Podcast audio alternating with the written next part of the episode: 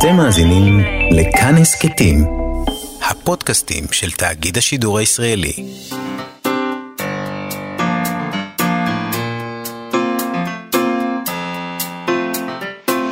מה שכרוך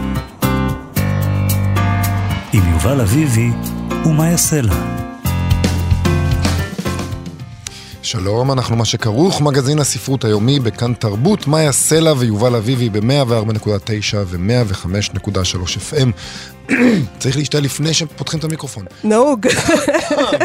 אז בוא אני אגיד שאפשר למצוא אותנו גם ביישומון ובאתר של כאן וביישומוני ההסכתים, החביבים עליכם. נכון, נגיד גם שלום אה, לארז שלום שעל הביצוע הטכני. שלום לארז שלום. כן, זה בגלל שלום, זה. שלום. רציתי להגיד זה ככה, ולתמר בנימין, מפיקת התוכנית שלנו, ושלום, מאיה סלע. שלום לך, יובל אביבי. ראית אחרי שהשתעלתי, קולי אה, ממש כמו דבש. מסוכס.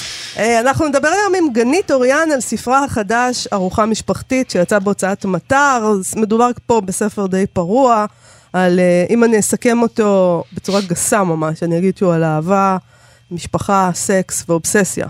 זה ספר מצחיק, יש, אה, הוא מאוד קומי והוא די אובססיבי בעצם. יש בו הרבה מאוד סקס. יש, ויש בו הרבה סקס. ופוליטיקה בעצם, גם יש פה פוליטיקה. אולי... פוליטיקה, וה, וה, והאישה הזאת שהיא בת 40 פלוס, בוא, או, בוא, או כמו שאני אוהבת להגיד, אה, בשנות ה-40 לחייה, אני אוהבת להגיד כי אני בשנות ה-40 לחיי, אז אה, היא, היא מתאהבת בבחור מאוד מאוד מאוד צעיר.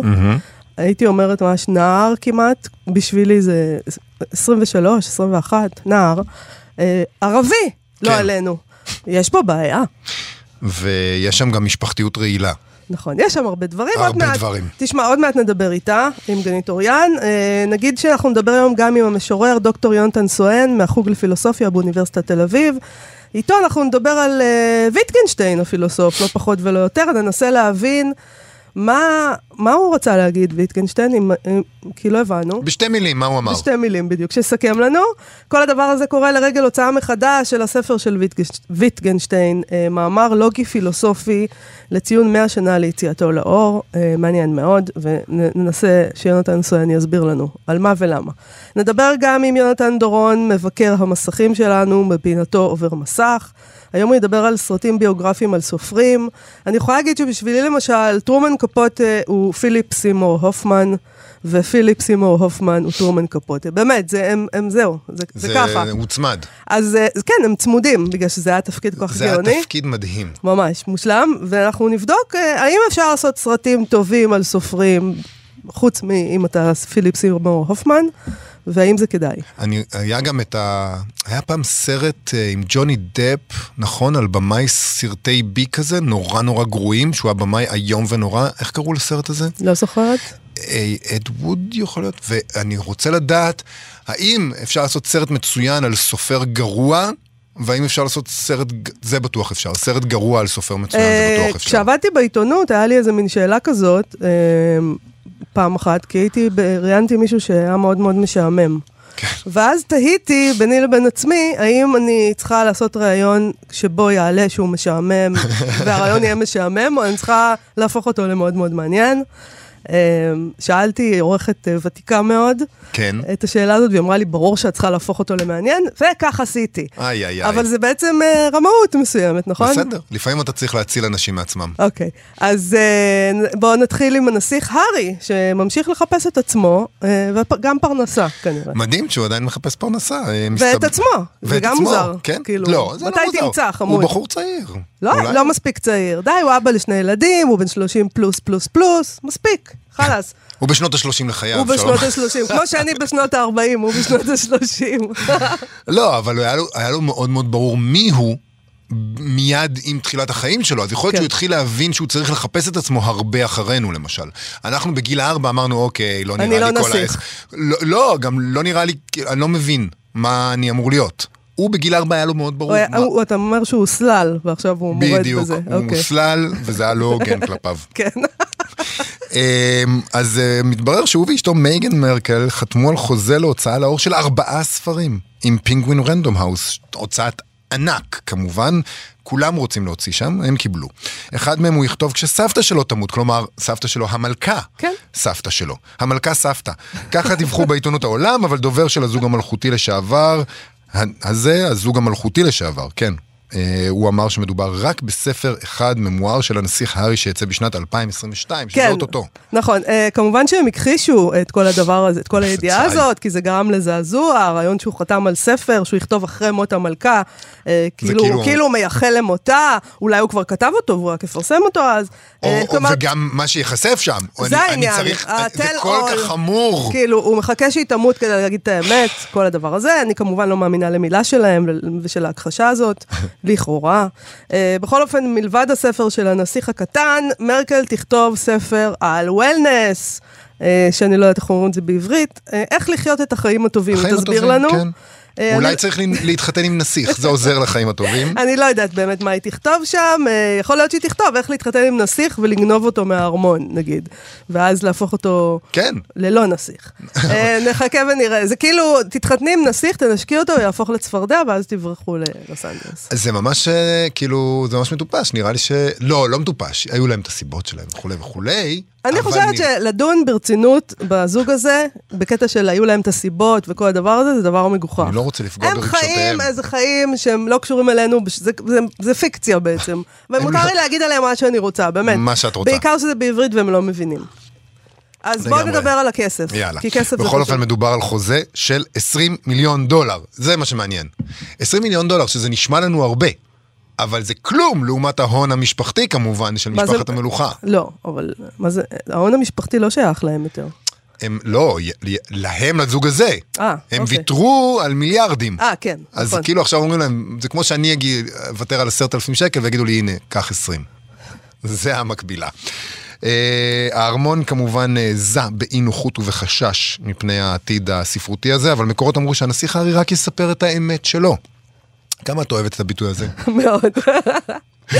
אני חושב שזה בדיוק מה שגורם לא, אני חיבבתי את הבחור הזה כאיזה מין דמות כזאת. הם אה, פעם היו נורא חמודים הנסיכים. אפילו כשהוא הת- התחפש ל- להיטלר, אז חשבתי שהוא ילד חמוד, אבל אה, בחייאת, די, איזה נודניק. הוא נהיה נודניק, הוא תמיד היה כנראה, לא יודעת למה חיבבתי אותו. זה לא היה חמוד שהוא התחפש לנאצי. הוא היה שיכור וזה, סלחנו לו, כאילו, בסדר. אני לא סלחתי לו. בסדר, אתה צ- תמיד אה, תהיה בצד הנכון, הכל בסדר, הכל טוב. אה, בכל מקרה, זה שהוא יספר רק את האמת שלו, זה כנראה בדיוק מה שגורם לארמון לנוע באי נוחות לאחרונה. נזכיר למי שגר על מאדים, שהשניים האלה הודיעו בשנה שעברה שהם פורשים מבית המלוכה. הם עוברים לגור בצפון אמריקה, הם טענו שהם עשו את זה בשביל הפגיעה הקשה בפרטיותם, והיחס הגזעני לדבריהם מצד התקשורת הבריטית וגם מצד ארמון המלוכה, כן? הם התראיינו לאחרונה אצל אופרה ווינפרי והתלוננו שם על יחס קשה וגזעני שספגו מצד אנשי בית המלוכה גם, דיברו שם על צבע העור של הילדים שלהם, זה היה לא נעים. אה, פורסם גם שהם משתפים אה, פעולה עם אנשי התוכן של אפל. אה, יש שם איזה אפליק... לא יודע, כל מיני פלטפורמות של תוכן שאני לא מבין בהם כי אני זקן. אז הם יעשו שם דברים, גם שם הם בוודאי רק מספרים את האמת שלהם. המון המון מקומות שבהם הם מספרים רק את האמת שלהם בתמורה להמון המון כסף. כן, ואני מצפה שהצעד הבא יהיה להיכנס לבית האח הגדול, כמובן. אה, אתה יודע, הש- צריך לשים לב לזה אה, שהשניים האלה עזבו את בית המלוכה, כי לא היה להם כוח יותר לחיי המלוכה. וכל הדבר הזה, ובה בעצם הם מתעסקים כל הזמן בבית המלוכה. זה מה ש... הם, הם למשל היו יכולים לעזוב, ולעזור לעניים, ולה, ולהפסיק עם הדבר הזה. כן. כאילו, להפסיק להתעסק בדבר הזה. אז הם לא עושים את זה. לא... אין להם מה למכור, חוץ מזה שהם משם, אתה יודע. אז הם אה, לא- זה אבל הדבר. יודעת, הם לא צריכים למכור כלום, הם מספיק עשירים גם ככה לדעתי. אבל הם רוצים עוד? זה נכון, תשמע, גם גם אני, אני מבין את. זה. Uh, בכל אופן, מבחינה מולית זה כמובן די מדהים. Uh, אני לא, אני באופן אישי לא מבינה מי האנשים שיקראו את הספר הזה.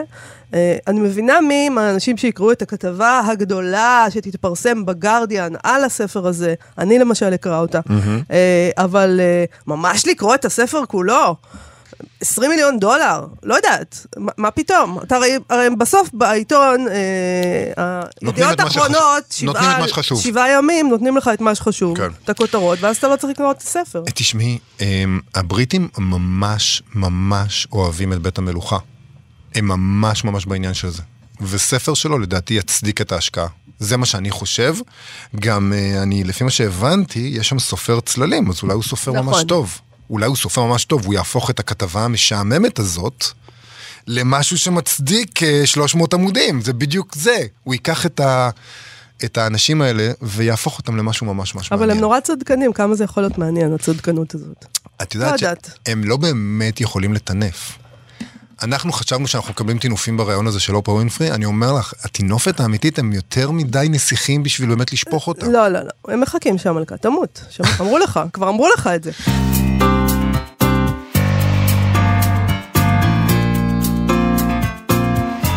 גאיה, גאיה שהיא הכבשה השחורה של המשפחה, גרושה עם שני ילדים, חזרה לגור עם ההורים הבלתי נסבלים שלה. אה, יש לה טעם בעייתי בגברים, אה, אני, אפשר להגיד את זה, נכון? אה, בלי שהיא תיעלב, גאיה. היא מתאהבת בבחור בן 21, 3, תלוי, הוא קצת משקר בקשר לגיל שלו, בחור שעובד בסופר, אה, מילא שהוא עובד בסופר, כמו אנשים בגילו, אבל הוא ערבי, אה, שזה בעייתי. כל זה בספר החדש של גנית אוריאן, ארוחה משפחתית שיצאה בהוצאת מטר. גנ, אה, גנית אוריאן היא תסריטאית, במאית ומפיקה, כתבה ספרי ילדים, וגם את קובץ הסיפורים הקודם שלה, נוקמות של שלוותה, שלום גנית אוריאן. שלום וברכה. אהלן. את, בתחילת הספר את פונה לקורא כגנית ואומרת לו שאין לך מושג מי זאת גאיה ואין לך שום קשר אליה וכל הסיפור מצוץ מהאצבע. כשהופכים את הדף משם, אה, גאיה הגיבורה של הספר פונה שוב אל הקורא, פנייה ישירה ואומרת שאין לה מושג ירוק מי זאת גנית, הסופרת. אז מעניין אותי המשחק שלך כאן, מי זאת גנית ומי זאת גאיה? אה, יש אלמנטים אה, מחברים משותפים, אבל עוד פעם, אני לקחתי את האלמנטים, אה, תמיד, גם כשאני כותבת תסריטים, יש אלמנטים מהחיים שאני משלבת אותם בפנטזיה, שהשאלה של מה היה קורה אילו, פלוס עורכת את החיים. הרי כל החיים אנחנו לוקחים רגעים ומפרשים אותם בדרך, בפרשנות שלנו.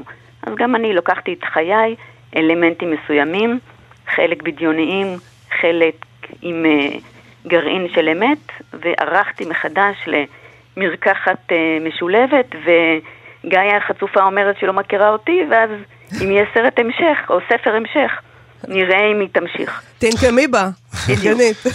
תראי, הספר הזה משלב המון המון דברים. צריך להגיד, זה ספר ש... ש... שחשוב לו להצחיק, למרות שהוא מדבר על נושאים קשים, כמו משפחתיות רעילה, ויש בו המון המון סקס, ונראה ששמת בו המון דברים בתוך הספר. היה חשוב לך לשים בו הרבה דברים. יש לקורא המון עם מה ל... או לקוראת, המון עם מה לעבוד. אני מקווה, השאלה מה המרקחת שיוצרים אה, ביחד. אני אגיד לך, אני, אני, יש תחושה שיש הרבה דברים שמדברים עליהם כעל דברים שמאוד מעסיקים את הספרות הישראלית עכשיו. סקס, משפחתיות רעילה, ואת מחברת... סקס, סקס דווקא לא מעסיק את הספרות הישראלית. לא? בעיניי זה דבר מאוד ייחודי בספר הזה, שיש בו סקס, וגם כתוב סקס... משוחרר כזה וזה, שזה מאוד לא נהוג במקומותינו. זה אחד הדברים היפים בספר. את, היה לך איזו התלבטות עם הדבר הזה, איך לכתוב את זה, זה, כי תמיד אנשים אומרים, נורא קשה לכתוב סקס בעברית, ולא נראה לי שהיה לך קשה. לא היה לי קשה לכתוב את הסקס, אבל עוד פעם, כשמדברים איתי על הסקס מפורש וכדומה, האם את כיוונת לרומן אירוטי? וכדומה, כי זה נורא מצליח. עכשיו זה, אז התחושה שלי זה שמבחינתי הסקס הוא חלק ממערכות יחסים. הספר מדבר בסיכומו של דבר, אם אני מנסה לסכם את הכל, זה מערכות יחסים. גם בסקס יש מערכות יחסים, יחסי כוח וכדומה, ובעיניי הסקס בספר הוא לא אירוטי בעליל. לא, לא, לא זה לא רומן אירוטי, בשום צורה. זה לא, לא לכך התכוונתי, ממש לא. ואין שם באמת, אז זה בדיוק העניין, שזה משהו הארדקור. אבל אולי, לא אולי זה בדיוק העניין, כי, כי מערכות היחסים שאת מדברת עליהן, באמת מערכות של כוח, גם בתוך המשפחה, וגם בסקס. כן. אבל אני חושבת שבסיכומו של דבר, הספר שואל את השאלה איפה אתה ממקם את עצמך, האם אתה משחק את המשחק הזה או לא. כי כשאני עושה את ה... הרי הספר מדבר על דמנציה, לדוגמה, אישה אם המשפחה לוקה בדמנציה, והיא בעצם מאפשרת לעצמה לשקוע בדמנציה ומורידה מעצמה אחריות. הצעיר הערבי שעובד בסופר, הוא טוען את זה שהוא לא יכול לעבוד בעבודות אחרות מכיוון שהוא ערבי, אבל זה לא נכון, זה המקום שבו הוא ממקם את עצמו. גאיה הגיבורה נמצאת מיחסי כוח מקטינים, משפילים מצד אבא שלה וגם מצד בחורים וגם מצד אחמד. היא ממקמת את עצמה במקום הזה. אז העניין של יחסי כוח, האם אנחנו צריכים להגיע באמת למצב של יחסים זה משחק, משחקי כוח, או איפה אנחנו שמים את עצמנו. גם הסיפור הזה של אה, משפחתיות אה, רעילה. מהמם. כל אחד מאיתנו, הרי יש לנו רגעים גם כהורים וגם כילדים שאנחנו לא בדיוק גאים בעצמנו. אמ, השאלה מה אתה עושה עם זה. כל אחד אה, כהורה, כילד, אני חושבת, נקרא לזה גורם נזק כזה או אחר לעצמו ולאחר. השאלה מה הגבול, איפה אתה ממקם את עצמך ומה אתה עושה עם זה. כלומר, את מתכוונת, אה, במקום להישאר ב, בעמדה הזאת של הקורבן בעצם, שבוכה על המשפחתיות הרעילה, איך אתה זז משם? אה, איך אתה זז משם, וגם איך אתה לוקח את הדברים בצורה חיובית. אחת הדמויות, אה, נקרא לזה, החיוביות שיש בספר, אותו הסבא של הילדים של אה, גאיה, שהוא לוקח אחריות במקום הבן שלו, הוא הסבא של הילדים, לוקח אחריות וכדומה, והוא מתואר כאדם שגאיה מתארת אותו, היא אומרת, הוא יקר לי יותר מאשר אבא שלי. כן. ואותו איש, אה, מסופר עליו שכאשר הוא היה צעיר, הוא היכה את בנו מכות רצח. אוקיי, אז האם זה אדם שצריך להתנתק ממנו? האם זה אדם שצריך לשבת בכלא? או האם זה אדם שבכל זאת אפשר לשמור איתו על קשר כזה או אחר, בהנחה שהוא לא מכה את הילדים בהווה? אה, כי הוא השתנה, כי אולי הוא למד משהו. אה, כן. אה, אנחנו חיים בחברה שבה התשובה לשאלה שלך היא, הבן אדם צריך לש- לשבת בכלא, ואסור לנו לסלוח לו לעולם. נכון. זה, זה, אני מבין, התשובה שלך היא שונה לשאלה הזאת. אה, אני חושבת שעוד פעם, כשלי יצא לעבוד עם אה, נוער במצוקה וכדומה, וכל מיני אנשים, מבחינתי, אה, אני זוכרת שעבדתי בפנימייה ונשאלה שם השאלה, אמרו, הילד תמיד יעדיף להישאר עם ההורים שלו.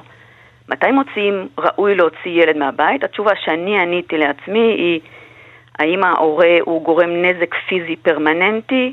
ברור שלהוציא. האם הוא אונס או פוגע פגיעה מינית? כן, ברור שלהוציא, והוא צריך להיענש בדברים. שאר הדברים, אה, אני לא יודעת, זה משהו שצריך אה, לדון עליו. אה, אבל זה אחד מהדברים גם כן שעולים בספר, במקביל לדברים האלה יש כל הזמן תנועה נדל"נית, ואולי גם זה קשור לזה, למתי הורסים את הבית, מתי מפנים את הבית, מתי מוציאים ומתי מכניסים ומתי עוברים ולמי הוא שייך ומי צריך לשלם עליו. אה, אני חושבת שגאיה היא לא בדיוק דוגמה, יכול להיות שהיא חלומו הרטוב של שר השיכון או משהו כזה, כי היא עוברת ממקום למקום, אבל אני חושבת שזה בדיוק העניין שהיא... גאיה, אני מקווה שהיא עוברת תהליך בספר, כי היא יוצאת מנקודת מבט של, אה, אוקיי, אני נמצאת במקום שלא טוב לי, אני הולכת לפרק. כנ"ל מערכות יחסים. העורכת שלי, הספרותית, תמי לבנת מלכה, הגדירה את גאיה, גאיה האדם שמחרב מערכות יחסים בריאות. אז יכול להיות. כן. אה, עוברת ממקום למקום למקום, ואני חושבת שלקראת הסוף, אני לא אעשה ספוילר למי שלא קרא וכדומה, היא משתנה. אה, היא מתחילה להיאבק על המקום. אבל אני חושבת שיכול להיות אה, שאחד הפתרונות, ככה אני קוראת את זה כמובן, שאת מציעה בעצם ל- לכל התסבוכות המשפחתיות וכ- והרעילות, זה הדמנציה. הדמנציה כפתרון לכל הדבר. כלומר, אי אפשר לשנות דברים, אבל אתה כבר לא זוכר, ואז, אוקיי, זה, זה גם פתרון כלשהו. אתה כבר, אתה כבר בעולם אחר. אה, הדמנציה היא ברכה והיא קללה. מצד אחד, אה, לי יצא לעבוד עם אנשים שיש להם אה, דמנציה, והייתה איזו עובדת סוציאלית שהגדירה את זה, אמרה, כשאדם מגיע למכסת סבל מסוימת, יכול להיות שהוא מפתח דמנציה כדי להתחיל לשכוח. כן. לשכוח את הדברים הרעים. אז במידה מסוימת אפשר להגיד שזה הגנה. מצד שני, יש מאוד אכזריות כשהאדם עצמו שיש לו דמנציה מתעורר מההכחשה ומהשכחה ופתאום נתקל במציאות. ומצד שני, מה שאני אומרת שאולי הפתרון החיובי בשביל אחרים בדמנציה, זה במקום, כמו אותו דמות של הסבא שהיכה את הילדים, במקום עד גיל, אני יודעת מה, 40 פלוס, ולהתחיל להגיד, אתה הכית אותי לפני זה וזה, ועשית את זה עם החגורה, ועשית לי ככה, ולא הערכת אותי כשהבאתי לך תעודה. ו... אוקיי, אתה רוצה להשאיר את האדם הזה בחיים שלך? כן, בוא נעבור הלאה. אה, לקחת בחשבון, לסלוח במידה מסוימת, לא לשכוח וכדומה, אבל לא להמשיך לחטט בפצע עד אין קץ. ארוחה משפחתית, גנית אוריאן, יצא בהוצאת מטר, אה, ספר עם, אה, עם הר- הרבה מאוד... אה, כמעט לא צחקנו, אבל הוא גם מאוד מצחיק איכשהו. נכון, זה לא נשמע דיברנו כבד, על... אבל מאוד מצחיק. רגע, לא דיברנו על ההומור, נכון, לא דיברנו על צריך ההומור. לקרוא. יש, ב... אם אה, תקראו את הספר, תגלו שיש בו הרבה מאוד הומור, וזה בהחלט, אה, זה לא רק שיש פה רק משפחתיות רעילה ויחסי כוחות וזה, יש הרבה הרבה צחוק. גנית אוריאן, תודה רבה לך על השיחה הזאת. תודה רבה. תודה.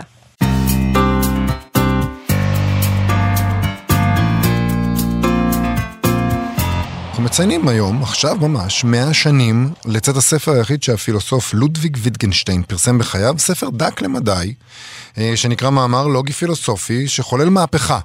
בשדות שונים, במדע, בשפה, באיך שאנחנו אה, מתייחסים לטקסט הזה כעוסק בפילוסופיה של המדע, אבל הוא השפיע גם על אמנים, הוגים וכמובן גם כותבים. אז כדי להבין בדיוק מה הוא אומר שם, שזה לא כל כך קל להבין מה הוא אומר שם. לא.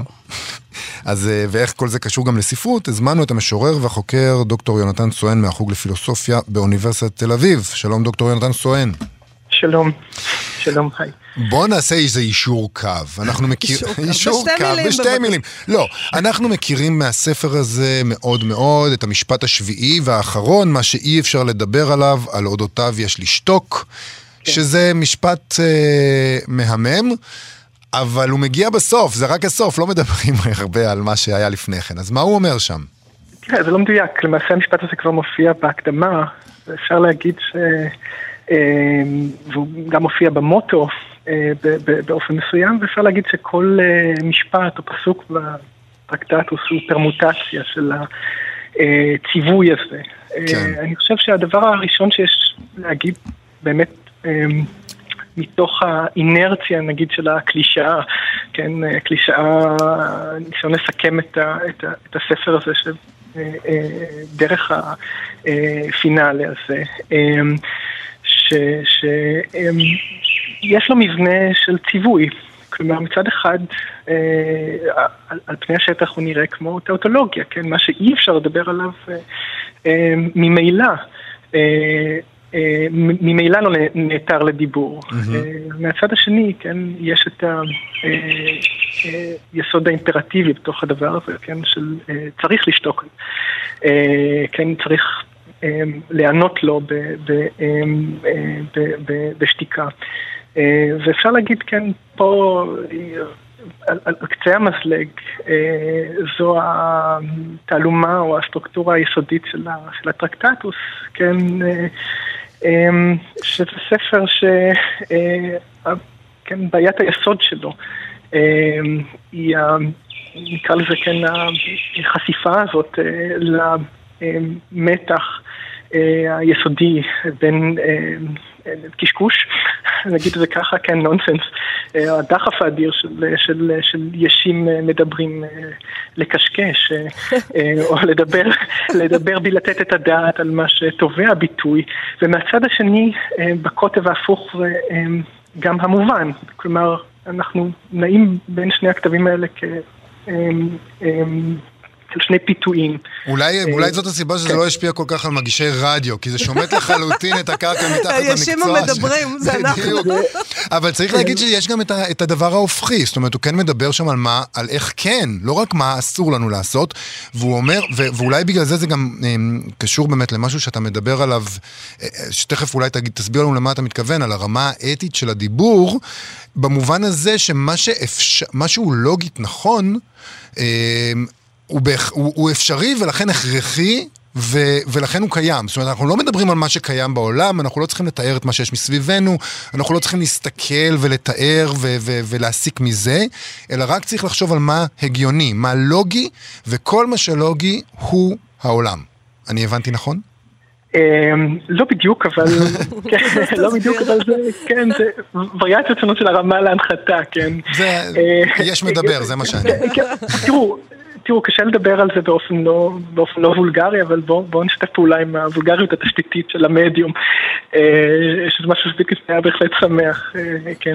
אמ, אמ, אפשר להגיד גם הפוך ממה שאמרת, בוא נגיד ככה, כן, אנחנו יכולים לדבר רק על מצבי עניינים הקונטינגנטיים, כן, מקריים במובן זה שאין ביניהם אה, קשרים הכרחיים, קשרים לוגיים, כן, והלוגיקה היא בדיוק ההפך, זאת אומרת, נגיד הטענה הרדיקלית של ויטינגשטיין, שההיגיון הוא לא, היגיון, לוגיקה, איך שנקרא לו בעברית, כן, אין לנו בדיוק מילה אקוויוולנטית, אבל הוא לא קאנון של חוקים אה, ותקנות ש... אה, סובסטנטיביים, כן? חוקים שיש להם תוכן כלשהו שאנחנו אוכפים אותו על המחשבה. אה, אפשר להגיד ההפך, כלומר, מהתמונה הזאת אנחנו רוצים באיזשהו אופן להשתחרר, התמונה הזאת היא פיתוי, זה פיתוי, פיתויים שכרוכים בה, זה הפיתוי של לחשוב שהביטוי שלנו מצד אחד יכול כן, לחרוג מה, מהנחשב ולהפך, כן, המחשבה חורגת ממה שאפשר לבטא, אנחנו מכירים את הצורות השונות של הדבר הזה, אבל אחד הגלגולים היותר מעניינים של האינקרנציות היותר מעניינות של הפיתוי הזה, זה לחשוב שהלוגיקה עצמה, כן, יש לה אה, תוכן אה, נורמטיבי, כן, אה, אנחנו בעצם כפופים אה, לאיזו מערכת, אה, כן, של חוקים אה, שהם כשלעצמם, כן, הם טאוטולוגיים לחלוטין, כן, חוק אי הסתירה, חוק הזהות וכולי, והדברים האלה אנחנו צריכים לציית להם, אה, כן, אנחנו צריכים לציית להם מניח שאנחנו גם יכולים להפר אותם, כן, או אה, אה, כן, אה, אה, לעשות אה, טרנסגרסיות נגד הלוגיקה. וזו, וזו תמונה ש, שוויקנשטיין אה, אה, כן, אה, אה, נלחם בה, ב, ב, נלחם בה ב, ברמה חברה. אה, ואלוהים יודע שהוא מצויד, אה, מצויד היטב. אני רוצה לשאול אותך, כן. אה, יונתן, אתה גם משורר, ומעניין כן. אותי, כדי שאולי יובן עוד יותר כן. אפילו, באיזה כן. אופן ויטקנשטיין השפיע עליך, על השירה שלך, על הכתיבה שלך. כן. אמ, אני, אני באמת, במקום הזה אני יכול לדבר רק באמת בשם עצמי. אמ, אני חושב, תראו, יש, יש משהו בתדמית החיצונית או הריגוריסטית אה, אה, ש, שבאמת נותן תמונה מעוותת של, של ה... אמ, משהו, מה זה, איך נראית השפעה במקרה של ויטקינשטיין. ברור ש... ויטקינשטיין לא, כן, לא השפיע עליי ב, באיזה מובן ישיר, כן? אה, אה, אני חושב שהחשיפה לרף אתי אה, של מחשבה, אגיד את זה בצורה יותר פשוטה, מה, באיזה מובן השירה חולקת עם הדיבור האנושי, הש- השירה לא כסגנון או סוגה או דיסציפלינה ספרותית, אלא כמעשה, כחלק מהאופן שבו אדם אה, אה, מגשים את ה- אה, את הטבע המדבר שלו, כן? מה היא חולקת עם המסע בסין, המסע האתי של מחשבה, של מה שאנחנו נקרא לו במובן מאוד מאוד כללי לוגוס, כן? באיזה מובן השירה היא אה, לוגוס? לפ- לפני ואפילו, אה, ואפילו באופן שגם נמצא במתח ומבחינתי אה, המתח הזה הוא, הוא, הוא, הוא קריטי, אפילו באופן שמפנה את העורף ל, אה, לייעוד, הספר, לשיוך הספרותי שלה ולאפיליאציות הספרותיות שלה. כלומר, יש גם איזה ברבריזם, כן, אפשר להגיד ברבריזם אה, אינטלקטואלי אצל ויטקינשטיין, ש, אה, אה, כן, שמזיז הצידה, את ההקש, נקרא להם את ההקשרים הטבעיים של, אה, של פרוזה וספרות, ומשייך אותם ל... אה, משייך אותם לשורש המטאפיזי, כן, של ה... אה, שלהם כ- כחלק ממשלח היד שלנו כ- כ- כישים מדברים, ומעמיד אותם במישור אחד, כן? אה, איזה לוגוס אני צריך בסופר? אה, איזה לוגוס אני צריך ברדיו, כן? השאלות האלה הן לחלוטין בלתי נפרדות, כן? איך אני אדבר ל- ל- למקולטן שלי? שם אפשר להגיד, כן, האתיקה, האתיקה ב- באמת מגיעה ל- ל- ל- ל- לביטוי האולטימטיבי שלה, והדבר הזה הוא, הוא, הוא נמצא, בש... זאת אומרת, שירה היא אחד ה... היא אחד ה... אה, אחת, אחת הזירות הכי פוטנטיות שלו, ואני יכול להגיד, אם, אם מסכם באופן וולגרי, כן, אה, מה זה לא לקשקש בשירה מצד אחד, אבל מה זה גם לא להתפתות ל, אה, למובן, כן, שירה היא לא... אה, היא לא, היא צורה של נונסנס, כן, היא לא צורה, היא לא צורה, אה, היא לא צורה של אה, אה, כן, קומוניקציה. אז, אז, אה, זה בגדול, כן, באופן אבסטרקטי. אה, דוקטור יונתן סואן, אני חייב עכשיו לקרוא את הכל מההתחלה ולנסות אולי להבין את זה שוב. אה, זה היה מאוד מעניין, גם את השירה של יונתן סואן. גם את. השירה, בוודאי. כן, תודה רבה לך על השיחה. הזאת. בשמחה. תודה, להתראות. צאו, ביי. עכשיו עובר מסך. מה שכרוך בכאן תרבות, אנחנו עם יונתן דורון, מבקר המסכים שלנו ושל האתר EDB. שלום יונתן. שלום. אנחנו מדברים היום על סרטים ביוגרפיים, כלומר על סופרים וסופרות. אה, נכון. אז האם יש מתכון טוב לסרט כזה? איך עושים אותו טוב? מה לא כדאי לעשות? אנחנו נותנים פה בריף לכל מי שרוצה לעשות סרט יהודי על סופר וסופרת. נכון. בבקשה. אז קודם כל, לא לעשות על כל החיים שלהם. לא אה. להתחיל מהילדות האיומה והנוראה שהייתה להם. אוקיי. ולא המעברים הבלתי נסבלים, ואז הקשיים, ואז ההצלחה, ואז הירידה. לא לעשות את כל הסיפור חיים, אין לנו זמן לזה. תתמקדו בכתיבה של ספר, שניים, בהצלחה, בחוסר כישרון, חוסר הצלחה, אין, לנו זמן להכל. אני לא. חש, אני חש שההוראות האלה נכתבו בדם. מתחת לסעיף של אל תראו לנו אותו מוציא את הדף מהמבחן הכתיבה והופך אותו לכדור עצבני. כי הוא לא מסוגל יותר, הוא לא יכול. לא, די, מספיק, ראינו אותם כבר. אז להתמקד במשהו ממוקד. הבנתי שאת אוהבת את טרומן קפוטה. מאוד. אה, פיליפ סרמה הופמן כטרומן קפוטה. נכון. את הסרט אהבת? אני, אני כן, אני די אהבתי את הסרט הזה. רגע, לא אהבת אותו? לא אהבת את הסרט? לא, אני לא לא אהבתי, אני סבלתי בו. אז הוא באמת משחק. מעולה, הוא תמיד משחק מעולה, נכון, נכון. והגיע לו האוסקר. למה שנאת את הסרט? הוא שמם אותי נורא. מעבר לזה שיש לו דמות מעצבנת, אבל כך הוא היה, אין מה לעשות. כן. אה, אחד היתרונות של הסרט, זה שבאמת הוא מתמקד בכתיבה של בדם קר, בסיפור נכון. מאוד חשוב בחייו, ולא מגולל לנו את מה שהיה לפני ואחרי ל- לנצח נצחים. אז זה לזכותו. אמ, בכלל עדיף, כמו שאמרתי, להתמקד במשהו אחד, אבל גם אם עושים את זה, זה לא תמיד עובד, כי הרבה פעמים חוטאים בזה שהסיפור חיים יהיה כמו ספר שלהם, למשל קפקא או ג'יין אוסטין, יש להיות ג'יין עם הנהדווי הבלתי נסבלת. אז הם, הם, הם עושים כאילו הם דמות בסיפור שהם כתבו, אבל זה לא זה. הם, אנשים לא חיים כמו שהם כותבים ולהפך, זה לא בהכרח, אין תאימות בדרך כלל. אה, אגב הקריטי לא מצא גופות איפה שהיא הלכה. זאת אומרת, לא.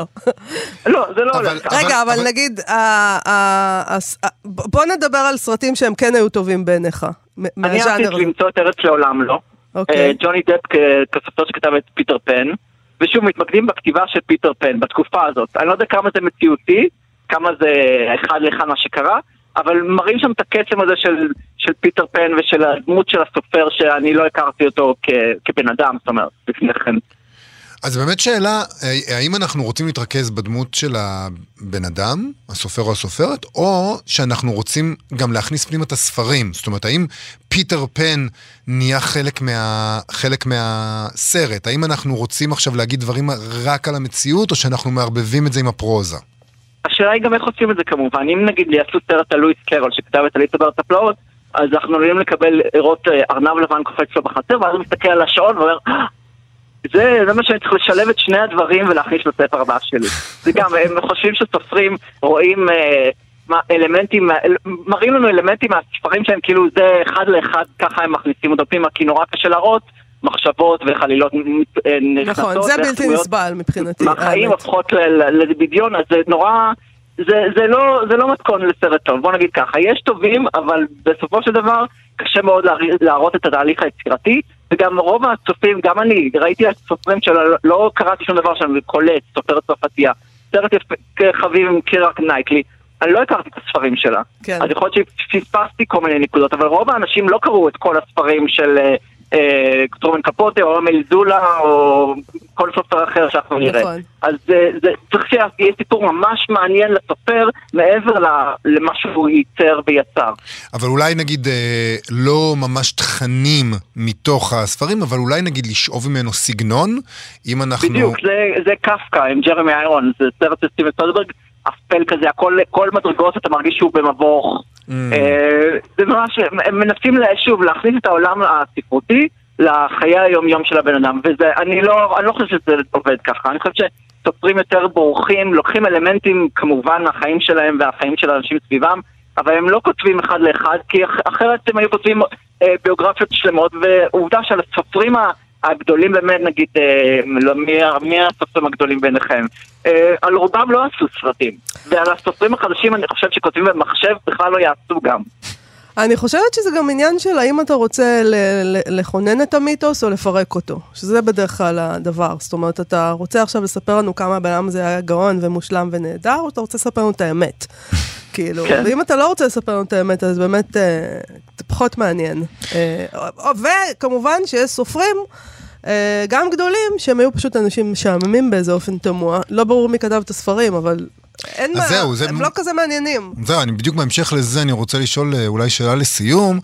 על סופרים גדולים ומעולים שנעשו עליהם סרטים גרועים, זה בטוח אפשר למצוא ללא ספק, אבל השאלה היא אם אפשר לקחת סופרים ממש גרועים, ברור. ולעשות עליהם סרטים מעולים. לא הצלחתי להיזכר בשם, אתה בטח תזכור. הסרט של אה, ג'וני, שג'וני דפ כיכב בו, של איזה אה, במאי של בי מוביז, אד אה, ווד, זה כאן נקרא? אד ווד, נכון, אה, נכון אז כן מאוד. זכרתי. אז האם יש מקבילה כזאת למישהו שפשוט כתב ספרים איומים ונוראים, ו... או שזה בכלל יכול להצליח? סרט כזה אתה עליו? יודע שבקולנוע יש כל מיני סרטי פולחן, סרטי בי מוביז ואחרים, בספרות זה פחות נפוץ, פחות יש סופרים גרועים מצליחים. אבל חשבת על אה, בית מיטר גילמה את שקלין סוזן שכתבה את אם הכבובות? אה, שזה היה רב מכר ענקי, נכון. אבל הסרט, היא לא מוערכת כסופרת. נכון. זה הדבר הכי קרוב שמצאתי לסרט שנקרא גדולה מהחיים, והסרט הוא לא גדול מהחיים. אה, אוקיי, טוב, בסדר. אז אני רוצה להמליץ 50 על הספר, הסרט שאולי הוא הכי אהוב עליי, סתם, אני לא יודעת, אני לא יודעת להגיד, להגזים, אבל כ- עלה לי לראש כשחשבתי על הנושא הזה, וזה אה, סרט שנקרא, אם אני לא טועה, דורותי פארקר והחוג המרושע. אה, כן. שזה היה, זה סרט על דורותי פרקר כמובן, ולדעתי הוא היה סרט נפלא. או לפחות כשראיתי אותו בזמנו לפני 20 שנה, פשוט עפתי עליו. אני מכאן הולך כן, לראות כן, אותו. ג'ניפר ג'ייסון לי, אה, דורותי בדיוק, פרקר, הוא באמת. מראה נורא יפה את האווירה של ה- של החוג, אה, יש לה את השולחן שם, שהיא נכון. התארחה בו. סרט מקסים ממש. אני, אני אני לא. צפיתי בו ואני יפה. הולך עכשיו לעשות את זה. קדימה, אני יובל. תמיד אוהב לקבל ממך המלצות קבלו למסכים. המלצה. יונתן דורון, מבקר המסכים שלנו ושל האתר EDB, תודה לך תודה על רבה. הפינה הזאת. תודה רבה. להתראות. אנחנו מסיימים עם פינתנו ועיקרן תחילה, פינה חדשה יחסית, שבה מה זאת אנחנו... אומרת יחסית? פעם פעם שנייה שאנחנו עושים אותה, היא לא. יחסית, היא אבל היא לא חדשה. חדשה חדשה. אה, אוקיי. חדשה הייתה הפעם הראשונה. בסדר. אנחנו מגיבים לענייני היום, לאקטואליה, עם ציטוט מתוך uh, ספר, והדבר הכי אקטואלי לפי דעתי שקורה כרגע, הוא שבניגוד לכל התחזיות שלי אישית, באמת נפתחה האולימפיאדה בטוקיו, בכל תרועה רמה. לא ידעתי שהיו לך תחזיות. אה, לא האמנתי שזה ייפתח. כאילו, למה אנשים בכלל חושבים שיש להם אה, איזה מנדט לדבר על דברים ולהגיד תחזיות על דברים? למה? כאן בישראל עסקו לא מעט בעובדה שלראשונה אי פעם בטקס, הפתיחה של האולימפיאדה כמובן, ציינו בדקה דומיה את טבח מינכן, שבו נרצחו 11 אנשי המשלחת הישראלית, שזה ממש מדהים, שפעם ראשונה... אה, זה פשוט לא ייאמן, באמת. אז אנחנו, לרגל פתיחת האולימפיאדה, נקרא מעט מהספר של ז'ורג' פרק. נכון, נקרא מתוך W עוז זיכרון הילדות, תרגמה אביבה ברק, יצא בספרייה החדשה. זה ספר שבו משולבות שתי עלילות. האחת היא קרעי זיכרונות מילדות במלחמת העולם השנייה, והשנייה היא תיאור של חברה שמקדשת ספורט. וז'ורג' פרק כותב על הדרך שבה אה, מאכילים את הספורטאים. האתלטים, הוא כותב, ניזונים אפוא דרך קבע, מתפריט חסר, העלול, עם הזמן, לערער באורח חמור את עמידותם בפני עייפות השרירים. סעודת הניצחון על פירותיה הטריים, ינותיה המתוקים, הבננות המיובשות, התמרים, התותים המסוכרים, הלפתנים וטבלאות השוקולד, היא אפוא מבחינה זו השלמה של ממש למכסת הפחמימות החיונית לשמירה על כושרם של האתלטים. שיטה זו, סכנתה בצידה כמובן. הואיל אה, והיא מפלה לטובה את המנצחים ומענישה קשות את המנוצחים בתחום הקשור ישירות לתנאים הפיזיולוגיים של התחרות, היא עלולה להגביר את השוני בין האתלטים וסופה מעין מעגל קסמים. מנצחי היום, הזוכים בו בערב במנת סוכר נוספת, רבים סיכויים לנצח גם למחרת, וכן הלאה וכן הלאה. אלה ילכו ויתחזקו, ואלה ילכו ויחלשו. דבר זה יסלק כמובן כל עניין בתחרויות, הואיל והתוצאות יהיו ידועות מראש. המארגנים לא נקטו שום צעד מיוחד כדי לתקן את המעוות הזה. במקום לאסור על המנצחים להיכנס לאצטדיונים למחרת יום ניצחונם, צעד הסותר כמובן את אושיות החיים ב-W, הם מצאו לנכון, ובכך הוכיחו שוב מה רבה תבונתם ועד כמה עמוקה ידיעתם בנפש האדם, להשליך את יהבם על מה שהם מכנים דרך צחוק, הטבע. והניסיון בשטח הוכיח את צדקתם. המנצחים אינם מורחקים מן התחרויות המתקיימות למחרת היום, אבל הרוב עבר עליהם לילה ללא שינה, והם אינם שבים אל מגוריהם אלא עם תרועת הבוקר. רעבים לסוכר, הסתערו על המזון, זללו והתפטמו כאחוזי בולמוס. שיכורי ניצחון שתו עם כל כוסית שהורמה לכבודם, מהלו עינות וליקרים עד אובדן חושים. נקל אפוא להבין מדוע בנסיבות שכאלה, רק לעיתים מאוד יקרה, רק לעיתים נדירות מאוד יקרה שאתלט אחד ינצח פעמיים, בזו אחר זו. התבונה אומרת שהמנצח חייב לרסן את עצמו, להימנע משתייה, או לכל הפחות לשתות במשורה, ולאכול במידה ובשיקול דעת מאכלים מובחרים. אבל הפיתויים שעל חתני הפרס החוגגים לעמוד בפניהם הם כה גדולים, שרק נפש מחושלת לעילה תוכל להם. זאת ועוד, איש אינו מאיץ בהם לנהוג איפוק. לא הבכירים, אדרבה, אלה דוחקים בהם שוב ושוב לרוקן את כוסיותיהם, ולא מדריכי הספורט, שמחשש לשלום קבוצתם צריכים לדאוג לתחלופה מהירה בין המנצחים כדי להבטיח ככל האפשר בקביעות ולמרב האתלטים את מכסת האנרגיה הנחוצה להם, שארוחות ערב אלה עשויות לספקה. ברכות לכל הזוכים במדליות.